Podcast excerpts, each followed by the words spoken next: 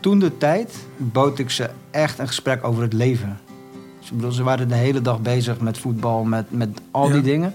Alleen ik vroeg, eens van, ik vroeg gewoon uit pure interesse, nog niet eens wetend van systemisch werk toen. Hè? Ja. Van, eh, goh, eh, hoe was het voor jou dat je je vader eh, je altijd naar training bracht? Of hey, ehm, hoe is dat nu dat je opa is overleden, jij zit in een ver land? Welkom bij de Balanskliniek. Mijn naam is Bram Bakker en vandaag praat ik met Daan Ruiter over gedragscoaching, systemisch werken, profvoetballers in contact brengen met hun gevoel. Het klinkt soft, maar het is hoog nodig, want ook een topsporter kan in een burn-out geraken. Luister maar. Daan, welkom. Ehm, laat maar gelijk beginnen bij, jou, bij, bij jouw titel. Jij noemt jezelf gedragscoach. En ik heb er gelijk een heel beeld bij. Maar wat, wat versta jij zelf onder een gedragscoach? Wie, wie is dat? Wat doet hij? Ik vind het wel mooi dat je meteen een heel beeld erbij hebt. Ja, Dan vraag ik me af welk beeld is dat dan? ja nee, ik, ik ben opgeleid in gedragstherapie. Dus, dus eh, dan ben je niet een therapeut, maar een coach. Nou, dat verschil is gradueel. En dan ga je mensen helpen eh, om, om zich ja, in, in, in, in mijn verleden minder gestoord tussen aanhalingstekens te gedragen. Dus, dus fobieën bestreed je met gedragstherapie. Ja, ja, ja, ja. Cognitief. Vooral natuurlijk. Nou ja, en ook wel oefenen. Hè. Dus, dus eh, net, net zolang eh, de angst opzoeken tot die uitdooft. Extinctie, exposure in vivo, gradueel. Ja, ja, ja. Je bent bang voor een wesp en dan moet je op een zomerdag in het Vondelpark een waterijsje durven eten. Nou, dat is voor iemand die bang is voor wespen een vreselijke omgeving. En een waterijsje en de zomer en het Vondelpark. Nou, dan ben je geslaagd als je dat kan doorstaan. Dat noemden wij dan gedragstherapie. ja, ja mooi. Nu jij. Ja, ja, wat ik heel belangrijk vind bij... ehm, in mijn vakgebied, ik werk vooral in de topsport. En je ziet heel veel mental coaches. En tegenwoordig zijn... Ja, als je een boek van Ronaldo of Kobe Bryant leest... en je haalt daar wat citaten uit en je zet het op LinkedIn of op Instagram... dan ben je mental coach, heb ik, heb ik vaak het idee. Hè? Ja. Ik zie jou lachen. Ja, Eh, nee, ja, herkenbaar, dat, ja. is zoiets als tuinarchitect. Iedereen, kan zich tuinarchitect noemen of interieurontwerper. Ja, ja en, en mental is natuurlijk ja, vooral het stukje mentaal. Ik, ik heb het idee dat het allemaal aankomt op leren denken, leren je, je hersens te gebruiken, eh stoïcijnse mindset, groeimindset, alle mindsets die komen voorbij tegenwoordig. Ja, Ehm, dat is natuurlijk heel mooi en, en ook de, de sportpsychologische vaardigheden, eh, die zijn heel goed om als tool te hebben. Alleen je ziet vaak dat het niet de bron aanpakt. Eh, en de bron bedoel ik mee dat, eh, ja, stel je hebt chronische hoofdpijn, je krijgt paracetamol. Dan ben je er even vanaf. Hè. Je leert even erom om daar goed mee om te gaan. Of je, Ja. de pijn is even licht, maar het komt de volgende dag gewoon weer terug. Ja. Ehm, dat zie ik ook heel veel bij menselijk gedrag. Is dat wij leren, bijvoorbeeld door mindset coaches, we leren een soort overlevingstechnieken. Ja. Alleen de bron eh, waar het echt vandaan komt, die wordt vaak niet aangeraakt. Omdat het ja, of te pijnlijk is, of dat het eh, te moeilijk kan zijn. Hè? Dus vaak ook in topsport is het maar doorgaan, doorgaan, doorgaan. Eh, ja, als een soort soldaten worden, worden Ja. die jongens gedrild. Ja. Ehm, alleen je ziet ook steeds meer jongens die denken... eh, ja, leuk dat ik nu een gouden medaille haal... of leuk dat ik het Nederlands zelf heb gehaald... maar poeh, ik voel het niet eens meer. En dat, ja, dat, dat heb ik heel veel gezien de afgelopen... Ja, hoe lang? 15, 10, 10, 15 jaar dat ik nu in het profvoetbal... en in de topsport bezig ben. Ehm, dat ze niet meer voelen. En ja, dat is voor mij echt alarmerend. Eh, en voelen zit op een hele andere laag dan alleen mentaal. Dus vandaar dat ik mezelf niet mental coach noem. Hoewel heel veel mensen mij zo noemen. Vind ik ook helemaal prima, het maakt me niet uit. Ehm, maar ik, ja, ik vind dat het veel dieper gaat en dat is gedrag. En gedrag is wat we elke dag doen in onze Ja. relatie, in ons werk, in intermenselijk gedrag. Eh, jij ja. kijkt eigenlijk dan naar wat aan gedrag vooraf gaat. Wat, wat ten grondslag ligt aan gedrag. Ja. Ja, het is, als je het zo wil zien, heb je eigenlijk een soort, ja, je hebt twee soorten realiteit. En dat is de, de bovenstroom waarin we ja, leven. Mhm. Eh, dat is eigenlijk de dualiteit. Dus eh, we zien bepaald gedrag en daar leven we iets aan. Aan de Eh, oppervlakte zien we een succesvolle topsporter. Bijvoorbeeld, of we zien een moeilijke jongen, of we Ja. zien een jongen die zich wegcijfert. Ja. Ja. dat is voor mij niets meer dan gewoon een symptoom van iets anders. En dat gedrag, daar wordt heel vaak op gericht. We gaan dat gedrag aanpassen. Alleen, ja, dat, wat ik net zeg, hè, dat is het gedrag aanpassen, maar dat zit in de bovenstroom, eigenlijk in het dagelijks leven. Eh, en waar gedrag vandaan komt, en dat zie ik steeds vaker, eh, is uit de onderstroom. En dat is uit de stroom van ja, bijvoorbeeld het familiesysteem, uh, de stroom van het voelen, Mhm. de stroom van ehm, ja, loyaliteit naar ouders toe, eh, dat projecteren op trainers. eh, eh, eigenlijk een stuk waar, ze, waar je niet concreet iets mee kunt, maar wat er wel altijd zit. Dus iemand kan eh, een moeilijke jongen zijn of iemand kan zichzelf wegcijferen. Dat is totaal ander gedrag, concreet gedrag. Ja. Alleen in de onderstroom kan het precies dezelfde dynamiek zijn. Ja. Bijvoorbeeld een hechtingsprobleem met ouders. Ik noem maar. Hè. Maar ja, eh, welkom in mijn wereld. Dus, dus, dus we delen die interesse. Maar dan nog even terug naar... Is dit coaching of is dit meer gedragsanalyse misschien? Want veel, veel sportpsychologen en veel mental coaches doen natuurlijk niet veel anders dan vaardigheden en technieken aanleren. Ontspanningsoefeningen, focussen, de hele rimram. Ja, Dat is ver verwijderd van wat jij, waar jij hierover praat, denk ik. zeker. Kijk, wat ik, wat ik het belangrijkste vind. Er is niet één, eh, ja, één methode die voor iedereen geldt. We zijn allemaal individuen, we zijn allemaal mensen met onze eigen patronen, met onze eigen eh, eh, ego's, met onze eigen dingen. Alleen het lijkt wel alsof daar dan ehm, eh, persoon A en persoon B, daar leren we dezelfde technieken bij aan. Ja. Alleen dat is natuurlijk, gaat totaal voorbij aan het hele individu. Ja, Eh, dat is bij iedereen anders. Volledig, ja, Ja. volledig. Dus ik geloof heel erg in maatwerk. Kijk, Ik heb jonge jongens eh, of meiden die 17 zijn, 16 zijn, die hebben heel erg veel aan best wel concrete coaching met Mhm. doelen stellen. Echt wel echt het stukje mindset. Terwijl ik, Structuur als je jong bent. ja, structuur. Ik noem maar echt de, de, de, de kaders schetsen voor ze. Ja. Van hey, dit is een profwereld, dit wordt van je gevraagd van een coach. Eh, ja, dit en dit is daarin nodig in jouw gedrag. Ehm, doe ik ook. Alleen het andere stuk, en waar je echt gedragsverandering vaak ziet, is als, de, als een individu ergens tegenaan loopt, wat dus uit die onderstroom komt. En dan is het niet zozeer coaching. Ja, ik- althans, ik, ik coach daarop. We noemen het systemisch coachen. Dus eh, ehm, je leert mensen snappen uit welk, uit welk systeem het komt, het familiesysteem. Alleen de, eh, ik merkte steeds vaker dat door middel van coaching, dat ik dacht, ja, je snapt het nu waar het vandaan komt, alleen je voelt het niet. Nee. En ja, op dat punt eh, heb ik bijvoorbeeld ook dat ik het echt wilde gaan opstellen, als in een, bijvoorbeeld een familieopstelling. Eh, we zullen misschien straks nog Ja, daar, moeten we zeker nog ja, even ja. in, ja. En ik merkte toen ik ging opstellen dat het echt voelbaar werd. Dat mensen echt naar die emotie gingen van shit, dit wist ik al, voelde ik al jaren, ik zie het nu opeens. En, en dat is wel echt waar ik echt verschil in merk bij, bij sporters en ook structureel. Ja, Maar als, als ik het nou even vrij vertaal in mijn termen, moet jij zeggen of ik het goed zeg. Denk ik dat jij eigenlijk op zoek gaat naar waar het gedrag vandaan komt. Dus dat je eigenlijk gedragsanalyse doet. En dat je probeert die, die, die klant die je hebt daarmee te verbinden. Dus dat, dat hij gaat beleven en gaat ervaren wat, wat, wat zijn gedrag kleurt en, en, en vorm. Zeg, zeg ik het zo goed? Ja, en dan is het stukje analyse ook nog iets alsof ik het allemaal weet. Maar dat is ook niet zo. Heel vaak zie je het tijdens bijvoorbeeld een familieopstelling pas van... Goh, dit speelt er. En dan gaat ook mijn weten zelfs erboven. hè. Dus analyse vind ik in die zin...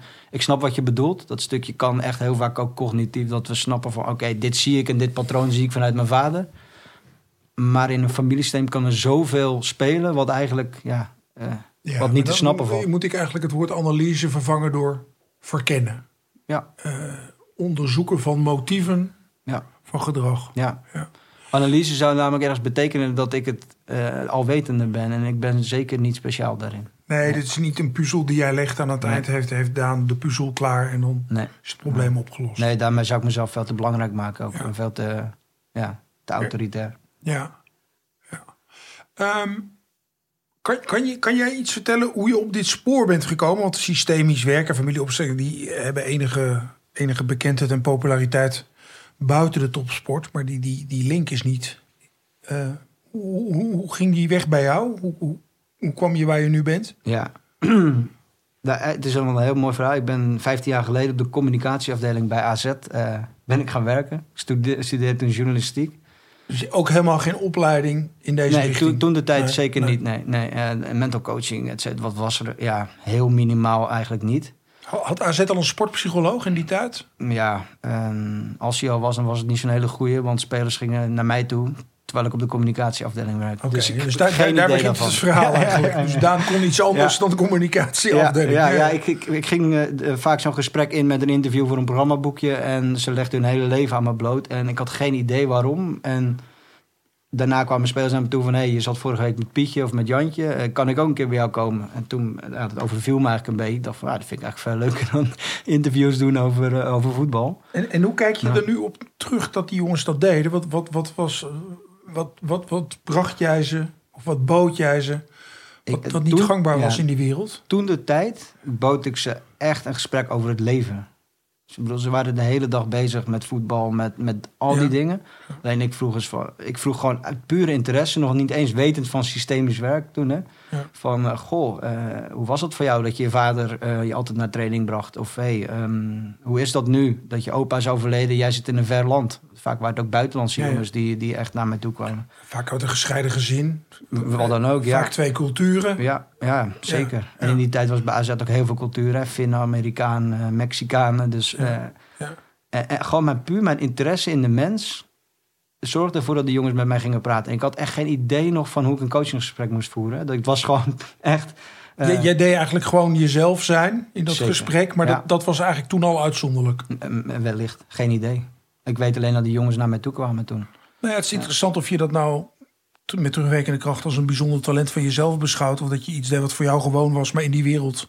Ja, ik vind het totaal geen bijzonder talent. Ik, ik, voor mij is dat gewoon interesse tonen in iemand. En misschien is dat bijzonder. En zeker in de voetbalwereld is het wellicht bijzonder. Maar ik zie uh, de mensen die oprecht interesse in mensen tonen. Ja, uh, dat vind ik eigenlijk normaal gedrag. Ja, maar ja, de tragiek van de topsport, dat, dat weet je even goed als ik, is natuurlijk dat je, dat je vaak niet wordt gezien op iets anders dan, dan dat kunstje wat je kan. Ja. En de rest doet er niet toe. Tenzij je in drugs gaat dealen of criminele activiteiten tentoonspreidt en wordt opgepakt omdat je ex-vriendin hebt gemolesteerd. Dan, dan heb je nieuwswaarde. Mm -hmm. Maar nog steeds hebben we het niet over de mens. Nee, ja, en dat zou wel lekker zijn, in, ook zeker in dit soort gevallen. Ja, ja. ja.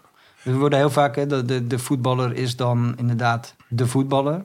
En zolang hij interessant is, duiken er ook, ook altijd mensen op. Hè, en die gaan zich dan ook profileren als de helpers van die voetballer. Ja. Uh, terwijl dan draait het om de coach of om de helper en het draait niet meer om de voetballer. En dat is wel echt een, een oprecht met iemand, oprecht iemand helpen. Hè, de kunst van het ja. helpen, dat is gewoon een, dat is wel een kunst. Maar dat is geen kunst in de zin van dat maakt iemand speciaal. Maar je moet gewoon snappen wanneer je in dienst staat van een sporter en wanneer het om jouw eigen ego draait als coach. Maar, maar daar gaat natuurlijk bij heel veel sportpsychologen en mental coaches mis. Dat, ja, dat, dat, dat ze gewoon mee willen in het, in het leger rond het succesproduct. Ja. Voetballer X of voetballer Y. Ja, ik had wel laatst met een, een, een vakgenoot die ik ook hoog heb zitten, uh, geappt. En toen, want toen was er weer iemand die had weer succes geclaimd. Hè, een sportpsycholoog. Of, van, we hebben een, ja. een, transfer gemaakt en een fotootje van hemzelf met die sporter. Wat ik echt nooit doe. En toen um, gingen we voor de grap al onze mislukkingen even naar elkaar sturen. Het is gewoon echt in veiligheid hè, van elkaar. Ja. Ik zal dat nooit naar iemand anders sturen. Maar echt zo even de spelers die eigenlijk alleen maar slechter zijn gaan spelen... toen ze met mij gingen werken. Nou, we lachen helemaal dubbel. Maar ook dat is er. Dus ik zal nooit succes claimen... maar eigenlijk ook nooit de mislukking van een voetballer. Ik, ik, ik heb een ambacht. Dat lever ik aan, aan iedereen. Ja. Hè? Ja. En de een gaat, haalt er het Nederlands zelf mee... en de ander wordt weggestuurd bij Telstar. Ja, dat is niet aan mij uiteindelijk. Ja. Um, dus zowel succes als het falen, daar heb ik enigszins tot geen aandeel in. Ja. Maar ik mag, mag, hopen dat je wel vertrouwen hebt dat je, dat je een beetje erin groeit.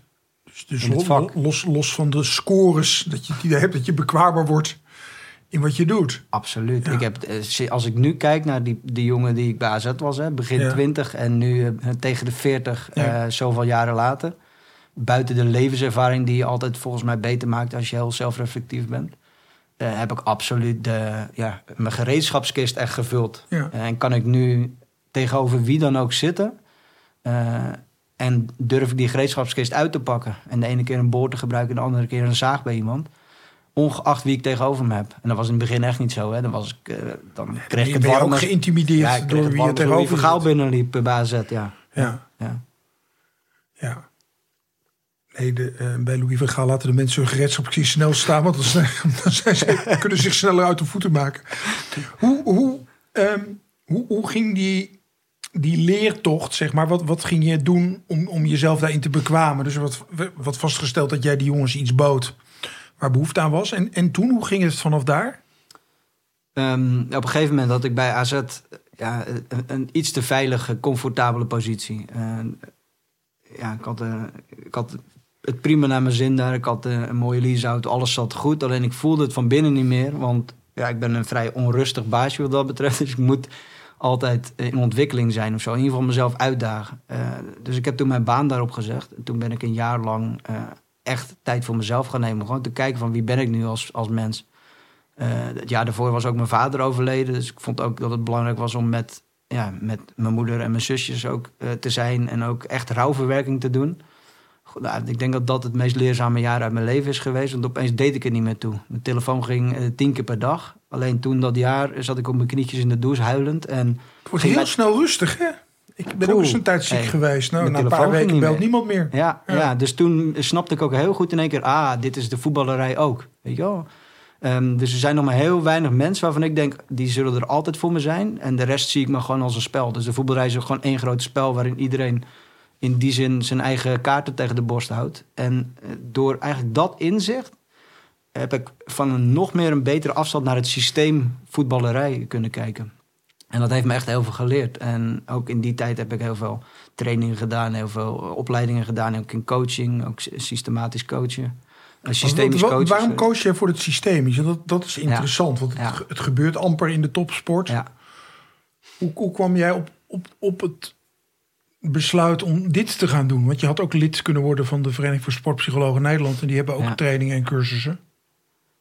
Heel eerlijk, omdat ik het gewoon reet interessant vond. Ik merkte dat dat mijn interesse had. Dus niet eens zozeer vanuit de vraagkant. Nee, maar, meer dat ik dacht... Beter toch? Ja, ik ben psychiater geworden om mezelf bij te leren kennen. Ik heb er twintig jaar over gedaan om het, om het te erkennen en onder ogen te zien. Maar... Ik vond de mooiste gesprekken met, met mensen die, die uh, over dit soort thematiek gingen. Van, goh, mijn vader was er nooit voor me en ik wil hem nu laten zien uh, dat ik het waard ben. Al die, dat ik dacht, oh, oh ik geen idee toen nog. Hè? Mm -hmm. Maar toen ik daarover las, over systemisch werk en over familieopstelling, dacht ik, oh, hier zit hier zit zoveel meer in dan ik tot nu toe weet. En ik zag ook dat het er helemaal niet was in, in de topsport. Want het was inderdaad uh, sportpsychologie. Um, ja, dat was ongeveer de norm. Alleen hoe meer ik met mensen werkte, hoe meer ik zag dat ik echt structurele grote veranderingen in gedrag kon bewerkstelligen door naar dit stuk te gaan kijken. En toen merkte ik dus ook dat het een ambacht was in plaats van alleen mijn interessegebied. Ja, en ik, en ik denk dat het heel belangrijk is dat je je eigen dingen ook hebt doorgewerkt als je niet bij jezelf was begonnen, had, had, je het dan op dit niveau kunnen uitoefenen? Nee, absoluut niet. Uh, ik ben bij mezelf ook een ontzettend grote profileringsdrang tegengekomen. En ook mijn ego ook. Ja. Dat ik dacht, goh, ik wil heel graag gezien worden. Dat had ik, dat had ik zeg maar, laat ik zeggen, tien jaar geleden had ik dat heel erg. Dat ik het heel interessant vond. Uh, ook om tegen mijn vrienden te vertellen van, goh, ik zit bij AZ of ik werk met voetballers. En door dat echt kritisch naar mezelf te kijken van waar komt dat nou vandaan? Mm welk tekort zit er bij mijzelf daaronder? Door dat helemaal te doorleven en ook allerlei uh, familieopstellingen ook zelf te ondergaan, ben ik daar helemaal los van gekomen. Uh, en af en toe merk ik het nog. Hè. Dan word ik denk ik geïrriteerd als ik iemand anders met een speler denk: hé hey man, ik ben veel beter. Of, en dan denk ik: oh, grappig. Da ja. Kijk naar mezelf en denk: oh ja, Daantje is weer aan het zichzelf veel beter te vinden. Maar het is natuurlijk niet zo. Dat is alleen maar mijn geldingsdrang in me. Ja. Um, maar is, is, dat, um, is, is dat ook waarom je er nog in zit? Want je had natuurlijk kunnen zeggen: ik, ik ga uit die ego, prestatiegerichte cultuur, want ik knap daar niet van op. Is, is, is, zit je er ook in omdat, omdat die uitdaging steeds goed voordaan is? Bescheiden blijven, um, juist in die context? Ik zou denk ik drie jaar geleden ja hebben gezegd en nu nee. Omdat ik wat ik nu merk is dat ik echt mensen kan helpen die in die contraien werkzaam zijn. Het zij als voetballer of als trainer. Dus dat ik zelf vanuit de schaduw mhm. echt werk met mensen die daar nog met die shit gewoon moeten dealen nog steeds. En, en, is, is het dan ook dat je denkt dat, dat de nood daar hoog is? Absoluut. Maar, maar eh, gemiddeld hoger of anders dan uh, in het bedrijfsleven waar mensen afhaken met een burn-out? Of mensen in de zorg of met, met mensen in het onderwijs? Ik kan natuurlijk geen vergelijking daarin maken. Ik bedoel, het bedrijfsleven, er zijn ook posities die onder enorme druk staan. Maar wat ik zie in de topsport, is dat er van steeds jongere mensen steeds uh, meer wordt verwacht. En dan niet eens op, op sportief gebied. Hè. Dat is laatst uh, bij een bepaalde club uh, een bestuurscrisis is. Dat worden 21-jarige jongens in één keer heel erg volwassen geacht. en dat neemt, maakt een enorme druk bij die jongens los ook.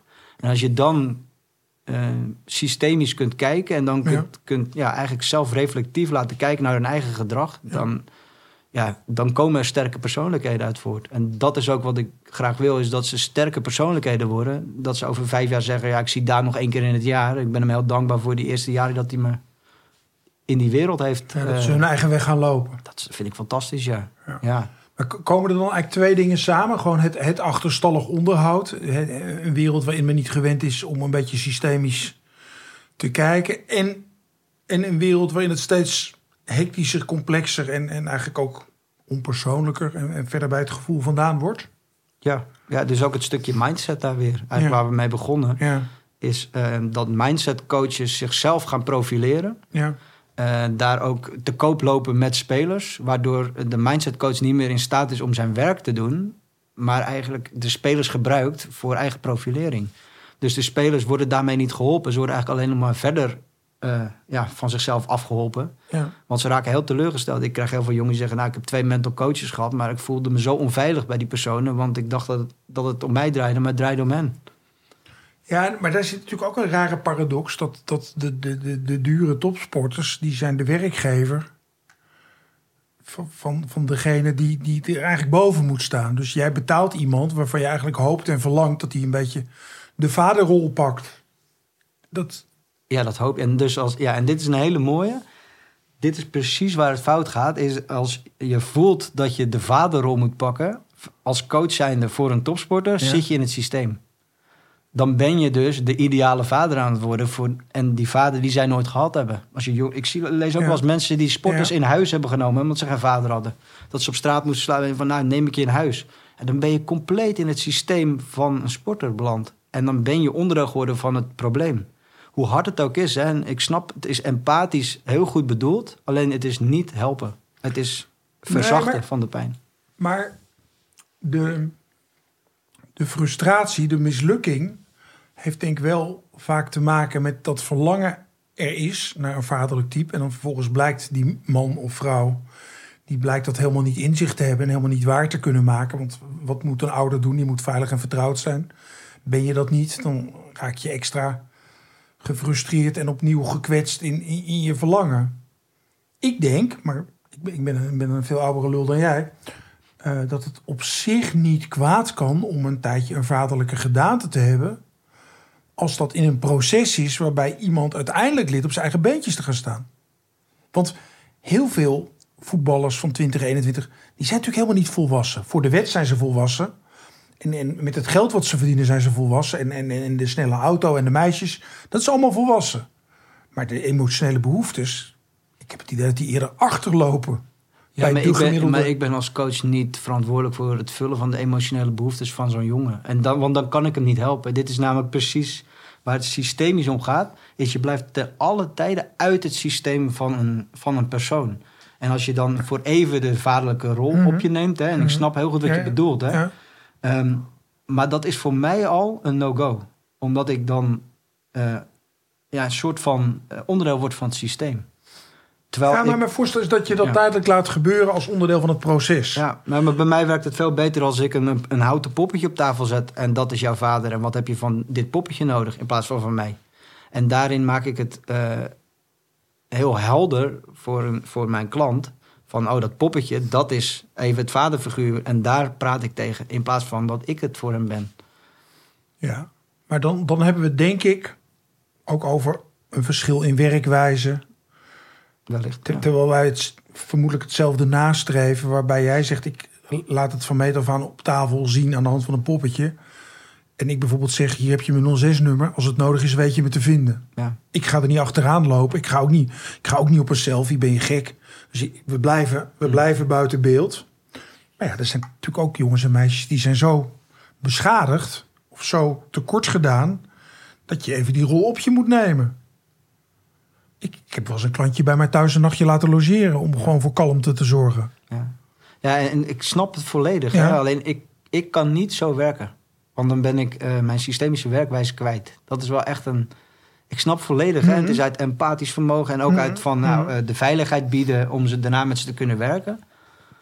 Alleen ik, ik bied ze daarmee uh, vanuit mij juist onveiligheid. Want ik doe net alsof ik dan even de vaarlijke figuur ben, die ik totaal niet ben. Dus ik, beter is de realiteit. En dit is gewoon de harde realiteit. Je vader is er niet voor je. Je moet op straat slapen. Prima, eh, we gaan dat regelen voor je. Maar Mhm. niet bij mij thuis. Want dan word ik onderdeel van het systeem. Ik, ik geloof daar heel sterk in. Buiten dat het me best wel eens pijn doet hè, als ik dat zie. Want Mhm. ja, ik ben ook een mens. Alleen systemisch gezien is het, is het voor mij niet helpend als ik dat zou doen. Maar daar komt dus denk ik dan een verschil tussen Daan en Bram ook. Wellicht. ja. Door de bocht. Want ik, Ja. ik, ik wil geen systeemlid zijn voor het oog van de wereld. Dus het is vanuit mijn perspectief meer compensatie bieden voor iets. Want als, als, als, als zo'n jongen jou buiten kantoortijden appt, wat doe je dan? Oh, nee, prima. Ik ben beschikbaar, maar als coach. Ja, nee, maar ik ben, ik ben ook beschikbaar op, op geleide van hun vraag. Het is niet zo dat ik, dat ik op zaterdagavond half elf, als ik niks te doen heb, mijn klant een appje ga sturen hoe het met hem is. Dan, dan, dan zit ik ook niet in mijn rol. Ja, in, in alles denk ik dan van, goh, ik voel met hem mee. En dan doe ik een stapje terug. Even kijken van, oké, maar wat als ik hierop inga? Oh, dan word ik onderdeel van zijn systeem. Want dan denkt hij voortaan dat hij bij alle eh, moeilijke avonden mij kan appen. Omdat hij mij als een vervanging van bijvoorbeeld een vaderfiguur ziet. En dat eh, buiten dat het voor mezelf eigenlijk niet te doen is. Hè, als ik dat bij alle klanten zou doen. Is het ook in mijn inziens niet helpend voor de persoon ook. De realiteit, hoe hard die ook is, dat is waar ik mee werk. En het verzachten daarvan, ja, ben ik niet voor. Maar, nee, maar, Maar, goed, ja. jij, jij, jij, jij komt wat dat betreft uit een, eh, ook uit een andere wereld. Kijk, ehm, ik doe het wel, maar ik benoem het bijvoorbeeld. Hè. Dus dan zeg ik nu, heb ik even die rol. Maar dat is niet de bedoeling dat ik die rol hou. Want afhankelijk worden van iemand, nou ja, en dat zie je natuurlijk in de topsport gruwelijk misgaan. Mensen worden totaal afhankelijk van Absoluut, iemand. En, en ja. het goeroegehalte onder die mental coach is veel te hoog. Laat, laat, ze, laat ze allemaal hun eigen leven op orde brengen. In, in plaats van zich te verstoppen achter, achter een beroemdheid. Ja, en dat is dus het mooie wat je net zei met van je moet je eigen thema's doorleefd hebben. Ja. Kijk, jij doet het en je weet precies tot waar je dat moet doen, als ik het zo aan jou Nou, hoor. dat geloof ik wel, ja. Ik, ik, ik, ja. ik bevredig mijn behoeftes niet Nee, aan de hand van de mensen waar ik mee werk. nee. Dus En ik blijf wel, in die zin afgescheiden van... Ja. En dat is het grote verschil met de, de types waar jij op doelt nu, die het voor hun eigen tekort doen. Ja, Snap je? De- In plaats van denken, hey, ik help iemand, is het eigenlijk van, kijk mij eens, ik heb deze jongen in huis genomen of wat dan ook. En eh, die lopen daar ook mee te kopen. Ik bedoel, in de media zie je heel veel mensen die, eh, ja, leuren met spelers van, ik ga nu deze jongen er helemaal bovenop helpen. Maar zodra ze diep in de shit zitten, zie je het niet meer. nee. Nee, ik geloof niet dat, dat er nu veel mensen eh, zich willen profileren als mental coach van Ihataren. Die ongeveer nu alles bij iedereen verpest heeft. Voor het oog van de wereld. Ik weet er niks van verder, maar eh, daar, daar kom je niet echt meer leuk mee in het nieuws. Als je zegt, ik ga Ihataren redden. Dat, dat hebben er trouwens ook al een heleboel mensen met veel te grote ego's beweerd. En die hoor je ook allemaal niet Ja, maar meer. waarom zou je in het nieuws willen komen als je Iataren wil redden? Als Nou ja, ik- als dat ik lijkt me dat vraag jij, dan, dat jij dan een vraag hebt wat dat over jou zegt. Als, als, als iemand met die vraag bij mij zou komen, Ja. dan zou ik het in het aller, allerdiepste geheim doen. En ik zou er niks over zeggen. Ik zou in een toren afspreken ergens met die jongen. Maar als ik ga zeggen meteen in de Telegraaf... ja, hij heeft me gisteren gebeld en we gaan aan de slag... dan draait het dus om de persoon en niet meer om die jongen. Ja, nee, helemaal, helemaal 100% eens. Ja. De vervolgvraag wordt natuurlijk: kan jij op die manier met iedereen werken? Dus ben je zo competent dat de persoon van die ander van ondergeschikt belang wordt? Ik kan niet met iedereen werken. Maar waar zit dat dan in, Daan? Wat, wat, wat, maakt, wat, wat maakt dan die klik? Wat je zegt, de klik. Ja, Ja. maar kan je hem bepaalde- beschrijven? Ehm, als ik kijk naar met welke mensen ik goed werk... Ja, Dat zijn de mensen die ehm, de potentie hebben tot zelfreflectie. Dus het hoeft nog niet eens te zijn hè, dat ze nog van alles eh, extern wijzen, prima. Maar als ik merk van oké, maar hier is wel iets in te vinden. je, ru- je ruikt het talent. De, Ja, de dat, potentie, ze, dat, ja. ze hebben, dat ze het hebben. Om zelf te lukt. reflecteren. Ja, Ja. ja. En waar ik niet mee kan werken is iemand die in de slachtofferrol zit... en waar de buitenwereld het allemaal gedaan heeft... en ook geen enkele manier eigenlijk die, die volledig in secundaire emoties zit. Dus de boosheid op iedereen, Ja, op de wereld en dat. De externaliserende. Absoluut. Ik ben wel eens, ik ben wel eens bij eh, twee keer met een jongen die eh, hier echt in zit. Ben ik in het buitenland geweest. Die, die nodigde me uit om naar het buitenland te komen. Van nou, kun je Ja. langskomen? Ik was een soort praatpaal. En ik zat terug in het vliegtuig en ik was helemaal leeg. Ik was echt, ik moest bijna zelf. Ik dacht, hoe kan dit toch? Toen ben ik gaan kijken, denk ik, wow, dit is, dit is gewoon he- ik ben leeggezogen op secundaire emoties van iemand. Een slachtofferrol. Ja. En dan, dat heb ik daarna uiteraard ook besproken. Hij bleef erin zitten. Toen heb ik gezegd, we gaan niet meer met elkaar werken. Je kan me nog zoveel bieden, ik kom niet meer. Want dit werkt niet voor jou niet. Hè? Prima, ik had heel veel geld Ja. ervoor kunnen krijgen. Maar ik zeg, dit werkt voor jou niet. Ik kan jou niet helpen. Want ja, de hele analyse met de secundaire emotie, waar de slachtofferrol. En ik zeg, en ik moet mezelf hier ook in beschermen. Want ik kom thuis en ik heb ruzie met mijn vriendin. Omdat ik eh, totaal geen energie meer heb na zo'n vlucht. Nee.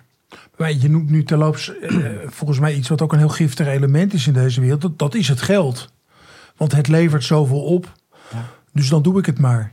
Terwijl die ruzie met je vriendin, die had je zelf graag bespaard in ruil voor een paar duizend euro minder. Want, nou ja, ja, ja. Toch? Nee, maar de, de dingen die emotioneel knagen, ja. zijn vaak van een totaal andere grootheid, waar, waar geen bedrag aan te koppelen is. En in die wereld gaat het natuurlijk te vaak om het geld. Terwijl wij hebben het over gevoel. Ja, ja. ja maar ik ben heel straight daarin. Ik, eh, ik vraag een bepaalde prijs en daar krijg je een bepaalde dienst voor. Maar als ik denk dat die dienst iets moet worden aangepast, dan zeg ik, maar dan is ook de helft van de prijs. Bijvoorbeeld, hè? als ik zeg van, nou, Ja. ik denk dat ik met drie, eh, met drie sessies met jou klaar ben, dan is- ga ik niet vijf sessies factureren van tevoren. Nee. Maar dat is, ik ben daar heel zuiver in, dus dat Maar weten hou je het mensen. ook schoon voor jezelf. Volledig. Ja. Dus mensen vertrouwen daar ook op. Ja. Ik had laatst een jongen en die had ik inderdaad na drie sessies. Hij zei, ik ben zo blij dat je me niet dat jaarpakket wat ik wilde afnemen van je... eh, ja, heb, heb gefactureerd. Maar Ja. dat je zei, we kijken wel hoeveel sessies. Hij zegt, want ik was er klaar voor. Ik betaalde alles. Ik zou alles willen betalen op dat moment. Ja. Nou ja, ik, maak daar, ik wil daar geen enkele manier ook... Want dan ben ik weer onderdeel van een systeem. Dan maak, Ja. maak ik iemand afhankelijk van mij. Ja. In plaats van die onafhankelijkheid. Hey, en hoe, hoe is het je gelukt om, om zelf een beetje blank te blijven naar, naar die wereld? Want die wereld die, die doet een enorm appel op van alles en nog wat bij iedereen die in die wereld rondloopt. En, en jij en ik weten, je kan dat werk niet doen als het, als het van binnen bij jezelf niet rustig is. Want dan ga je mee vibreren op in het systeem. En er gebeurt nogal veel in het, in het systeem voetbalwereld. Hoe, hoe, hoe, hoe ben je daar gekomen? Bij die onafhankelijkheid bedoel ik. Nee, bij, bij dat, je, goed- dat je goed bij jezelf kan blijven, ondanks alles wat er omheen. Ja, dat, is, speelt. dat is eigenlijk wat ik net vertelde. Dus ik ben het op een gegeven moment gewoon als een spel gaan zien. Als een spel waarin ik een onderdeel ben. Ja. eh, En niet een onderdeel van een pion die moet winnen of verliezen. Nee. Maar gewoon als een pion die af en toe wordt ingezet en dan weer uit het spel gaat. En in dat spel maken ze elkaar af en ze, ze trappen elkaar naar de gevangenis en ze, ze, ze gooien elkaar van het spel af.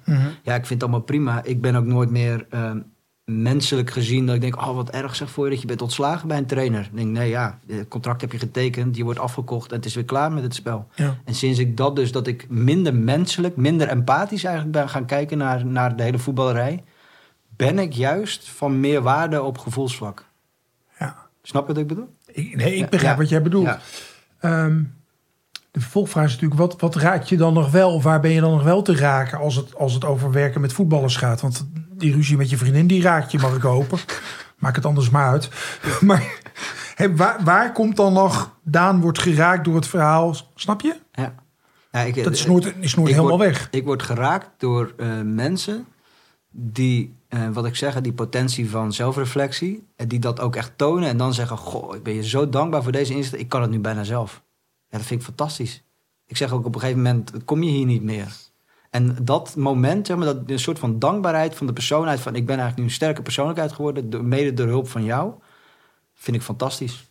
Ja, dat, ja, Ja, dat moment- raakt me echt. Het moment dat je overbodig bent. Ja, dat raakt me echt, ja. Ja, dat is interessant, want dat is volgens mij het punt waarop we dezelfde bevrediging delen.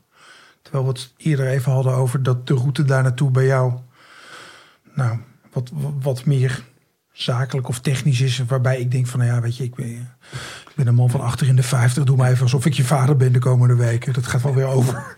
ja. Maar het moment van, dat is, dat is natuurlijk, ja. Ja, doordat ik dus eh wegblijf bij mijn eigen emoties, Ja. ondanks dat ik ze voel, hè, maar die hou ik even bij me dan. En Ja. ik, ik, ik ben er ook bij bij die emoties. Ja. Alleen ik laat ze niet in het gesprek komen om het gesprek zuiver te houden. Zodat ik altijd de ruimte heb voor de emoties, de gevoelens, de gedachten van mijn klant. En dat is ja, fenomenologisch werken. Dus je werkt echt. Ik, ik ga nooit een, met een plan een gesprek in. Ik kijk wat er nodig is dan. Ja, en dat kan alleen als je heel dicht bij jezelf blijft. Dat, dat deel ik ook. Maar ik merk ook wel naarmate ik mijn eigen werk beter gedaan heb, de emoties van die klanten die tegenover mij zitten, die, die vaak toch nog, toch nog wel er iets slechter aan toe zijn dan, dan een profvoetballer. En met, met gruwelijke traumatische ervaring, die komen harder binnen. Dus, dus ik, ik uh, met enige regelmaat druppen de tranen over mijn wangen vanwege het verhaal wat ik aanhoor. En ik ga niet, ik ga niet gierend zitten meejanken. Ja. Dat, dat, dat zou vreemd zijn, maar... Het ja, ik, ik, voel, ik voel dat ook wel, hè? Ja. Alleen, ik, ik hou het, um, ik hou het bij me of iets. Snap je? Ik laat het wel merken, hè? Dus mhm. iemand voelt zich volledig mhm. gezien tijdens het gesprek. Althans, dat hoop ik. Ja. Uh, en ik, ik kijk op een zuivere manier met iemand mee om naar oplossing. Ik ben best wel oplossingsgericht daarin. Ja. Uh, dus er moet ruimte zijn voor de emoties. Alleen emoties zijn in die zin ook maar emoties. Hè? Die, die gaan en die verwerken als de, de juiste primaire emoties zijn. Ja. En daar, ik, ik ga heel snel in mijn coachings ook naar een oplossing kijken. Van oké, dit is de realiteit, hoe hard die ook is. Maar we gaan nu naar een oplossing werken. En ik denk dat dat... Um, ik voel het wel. En ik best wel snel weer oplossingsgericht ben daarin. Ja. En, en uh, hebben jongens tranen in, in gesprekken met jou? Ja.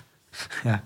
Nee, maar goed. Nee, maar het gaat, de vraag gaat eigenlijk over: voel, voel je er ongemak bij? Of heb je het idee dat je, dat je voldoende ruimte biedt dat, dat dat kan en mag gebeuren? Zeker. Want soms, soms vinden mensen het ook lekker om te ervaren dat, dat hun verhaal mij raakt. Ja. Dus ik deed in het begin, want dat moet je als psychiater echt mijn best om dat, om dat te verbergen. Terwijl nu, weet je, iemand, iemand vertelt me twee kinderen verloren door suïcide. Ja, ja ik, ik, hou het, ik hou het eigenlijk niet droog. Maar dat is, is, helemaal niet erg, want uh, dat haalt mij niet per se uit mijn professionele rol als ik, als ik daar emotie laat zien. Er is volledig ruimte voor welke emotie ook bij mij. Dus traan, maar ergens voelen mensen zich veilig bij mij om dat te laten ja, zien. Veiligheid gaat ik zelf niet meehuilen. Ja, maar, maar veiligheid gaat voorop. Ja, ze voelen dat er alle ruimte voor is. En ik geef ook alle ruimte daarvoor. Ja. Um, ik, ik ga ook niet zakdoekjes geven van hier, dep je tranen. Nee, gewoon jank maar even lekker. En veeg je snot ook maar af aan je trui. Boeien, weet je. Gewoon dat. En dat dat...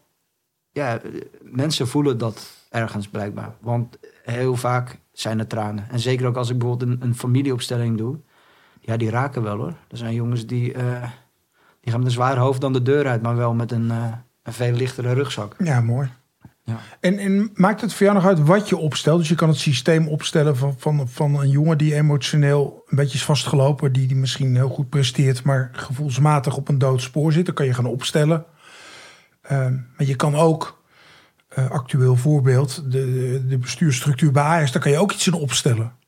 Want er is systemisch wat gebeurd sinds, sinds de meneer uh, die de technische zaken deed van grensoverschrijdend gedrag vertrok. Dus systemisch maakt voor jou dat uit? Kan je alles opstellen? Heb je voorkeur voor een bepaald type opstelling? Of? Um, ik heb, ik heb ook de opleiding organisatieopstelling uh, heb ik ook afgerond. Dus ja, maar is ander woord voor hetzelfde, toch? Ja, dus in die zin kan ik ook een organisatie opstellen. En uh, inderdaad, de jongens die ik begeleid van Ajax... die heb ik zeker wel ook voordat dit uh, allemaal zeg, de echte crisis was... ook laten inzien van kijk, zo lopen de hazen. Dit is het systeem. Wat is jouw autonome positie en hoe bewaak je die? Dat heb ik zeker gedaan, ja. ja. vind ik ontzettend mooi, want dat is weer een soort strategische manier van opstellen. Uh, althans, een opstelling gebruiken. Uh, maar heb, heb, heb, jij voorkeur voor iets? Zoals ja, maar, familieopstelling vind ik fantastisch. Maar dat doe je liever een opstelling met een speler... of zou je zo'n opstelling willen doen met, met de organisatie Ajax als voorbeeld? Nee, nee, ik heb gemerkt dat ik dat niet interessant genoeg vind. Het raakt me niet. Ik vind een organisatie niet... Uh, een familie raakt me, want daar komt de mens uit en met, met zijn gedrag en dat raakt me. En dat kan ik en, En het gevoel, hè? En het gevoel, ja. En een organisatie heb ik gemerkt dat ik denk, ja, raad van commissarissen, ook eigenlijk weer een beetje wat ik net vertelde over dat spel. Ik zie het als een spel, dus het, ik, ik zie de essentie daarvan niet. Nee. Wat ik wel voel is een individu wat ik begeleid, wat in die organisatie zit, om die te laten kijken naar zijn eigen gedrag en vooral ook de, de grenzen. in het systeem waarin die. Ja, ja. En ook de grenzen daarin bewaken. Van wie ben ik, waar mag ik mijn grenzen bewaken? Want er wordt aan alle kanten getrokken aan dat soort gasten. Ja, nee, dat, dat, dat delen we enorm. Um, hoe, hoe gaat het verder, Daan? Hoe, hoeveel, hoeveel jongens en meisjes als jij lopen er rond in de Nederlandse topsport? Uh, ik denk weinig. Heel weinig. Ja. Het zit allemaal op mindset. Het is mindset, mindset. Ja. En, uh, sportpsychologie. En dan ook uh, zie ik ze vaak ook jammeren van er is tekort werk. Maar dat is absoluut niet. Ik kom echt om in het werk. Je moet alleen de juiste kwaliteit leveren. En niet gaan jammeren dat het allemaal niet geen aandacht voor is en geen geld voor is. Dat is absoluut niet mijn ervaring. Nee. Maar er is gewoon een heel klein groepje waar al het werk naartoe gaat. Dat is wel, ja. Ja, omdat het dan toch ook een beetje een incestueuze wereld is. Ja. Dus het gaat- het is allemaal mond-op-mond reclame. Zeker, ja. ja als, als een, eh, laten we zeggen, als ik met iemand werk en die is de aap, eh, hoogste aap op de apenrots in de kleedkamer, dan willen andere apen ook eh, met mij werken. Zo gaat het gewoon. Ja. Ja. Zie jij ook een verband tussen, wat, wat gewoon statistisch bekend is, dat topsporters vaker al tijdens, maar zeker na hun carrière eh, met drank en drugs en depressie en de suicidaliteit kampen. Zie, zie je daar een verband met hoe, hoe er met ze wordt omgegaan in hun, in hun carrière? Zou, zou, dat, zou die systemische benadering daar nog een soort preventieve Absoluut. waarde kunnen hebben? Absoluut. Want een voetballer met een burn-out. eh, de gemiddelde voetballiefhebber zeggen dat kan niet, want eh, ze trainen 20 uur per week. Wat zeiken ze nou? Maar het, het kan wel, toch? Eh, Ik zie dit absoluut, ja. Want het is vooral ook het, het afstompen van gevoel. Altijd Ja. maar doorgaan, doorgaan. Ik las laatst over Varane van Frankrijk. Die zegt, ik weet niet meer wie ik ben als mens. Ik ken alleen nog de voetballer Varane. Ja, de- hij staat niet op zich. Dat kan ik je wel zeggen. Er zijn... Heeft hij hulp gehad om tot die conclusie te idee, komen? geen idee. Ik ken de man ook verder niet. Nee, maar ik zegt je krant. gevoel? Nee, ik las het ook. Ik dacht, waarom Ja. stopt hij zo vroeg? Daar kan ik niet, ik kan ik niet over oordelen of over. Maar ik las het en dacht ik, goh, je, je zegt dat je niet meer weet wie je zelf bent. Buiten de voetballer om. En dan is het toch wel heel eenzaam hoor. Want op een gegeven moment ben je niet meer die voetballer. En wie ben je dan nog wel? Ja. Dus ik zie ook heel regelmatig oud-profs bij mij op kantoor komen. Die zeggen van, ja zeg het maar. Ik weet bij God, ik voel niks meer. Ik voel niet meer liefde voor mijn kinderen, mijn, mijn vrouw, niet meer. Ik ben niks meer, ik ben geen voetballer meer. Niemand ziet me meer. Ja, dat, dat komt best wel aan hè. En dat, dat is eh, een onderbelicht stukje van de voetbalwereld ook wel. Want na je 35 e je bent gestopt bij Pek Zwolle of bij waar dan ook. Nee, ik, ik heb in de, in de verslavingszorg lang gewerkt. Ja. En het aantal ex-topsporters wat daar zich aanmeldt met, met gokken, porno, Tuurlijk. Alcohol. Dat is, is echt, echt ver boven gemiddeld. Verdoven om maar niet te voelen dat je niet weet wie je bent. Ja. En hoe zouden we nu... Nee, ik ga nu ook oplossingsgerichte vragen stellen. Hoe, hoe zouden we hier nu iets in kunnen veranderen? Waar, waar op, op, op, op welke plek moeten we dit besef doen landen? Anders dan bij de luisteraars van deze podcast. Ja, dat, is, dat is ook wel waarom ik hier zit. Want ik, ik ben niet zo van de, van de voorgrond. Ik werk heel graag op de achtergrond. Alleen toen jij vertelde van, nou, laten we een podcast opnemen. En het systemisch perspectief, eigenlijk hoe ik werk, eh, aan het voetlicht brengen. En familieopstellingen. Want ik merk ook dat heel veel mensen geen idee hebben wat het is. Hè? Die, eh, ze- kennen maar eh, ja, gewoon mental Ja. coaching, et cetera. Ja. Dat hokje waar, ja, wat ook gewoon gelabeld is. Maar het is nog zo onbekend. En ja, ik ben bijna op dit moment de roepende in de woestijn. En gelukkig zei jij van kom hier zitten. Ja, nee, wij, kijk, wij herkennen iets in elkaar. Eh, maar ik, ik hoop dat mensen iets aan deze podcast hebben. Niet dat ze dan zeggen wat een bijzondere man die Daan. Maar wat een bijzondere benadering van topsport, Ja, ik toch? ben niet heel bijzonder. Nou ja, dat, moet iedereen zelf maar vinden. En heel fijn dat je vriendin dat waarschijnlijk nog steeds wel vindt. Maar het, het gaat natuurlijk over hoe, hoe krijgen we dit voor het voetlicht? Ja. ja, daar is dit dus voor mij een eerste Ja. aanzet toe. Dat ik, eh, dat ik merk, eh, ik heb ook sinds kort een website. Hè, dat had ik ook nooit. Dat heb ik helemaal niet nodig voor mijn werk als gedragscoach. Maar, maar meer wel het- voor je familieopstellingen. Precies. Dus ik wil... he- Daanruiter.nl, luisteraars. Ook als u niet kunt voetballen. Ja, nee, maar voor, bedoel, voor mijn gedragscoaching, daar heb ik het niet voor nodig. Nee. Ik heb genoeg klanten, maar voor Ja. familieopstellingen. En ik wil het ook bij jonge mensen die nog ja, preventief daarin zijn. Ook kom naar familieopstellingen. Want het is ja, dat geitenwolle sok of dat spiri- spirituele zweeftevengedoe. Dat is het niet. Nee. Het is heel concreet en het is heel veilig en, en een hele mooie manier om gewoon te kijken naar van... goh, wat opluchtend, die komt mijn gedrag vandaan. Dus, dus daarom heb ik ook die website. Ik, ja, ik wil heel graag dat heel veel mensen, en vooral ook gewoon twintigers, dertigers, eh, veertigers, dat die ook dat kunnen gaan omarmen. En dat lijkt mij fantastisch om te gaan doen. En Ja. ja, ja daar is ook dit een aanzet toe voor mij. Ja. Ja, mijn gevoel als we zo praten is dat ik denk dat we waarschijnlijk bij de trainers zouden moeten beginnen. Dus dat ze, als die trainers eens een opstelling doen, want die hebben ook allemaal oud zeer en issues en dingen. En, en, en ervaren wat ze dat oplevert, dan kunnen zij met gezag jongens in hun team, want ze zien het heus wel, zeggen van ga ze een opstelling doen. Ja, ik geloof ontzettend in deze Ja. werkwijze. Want dus ik, werk ook, eh, ik word ook ingehuurd door clubs. Hè?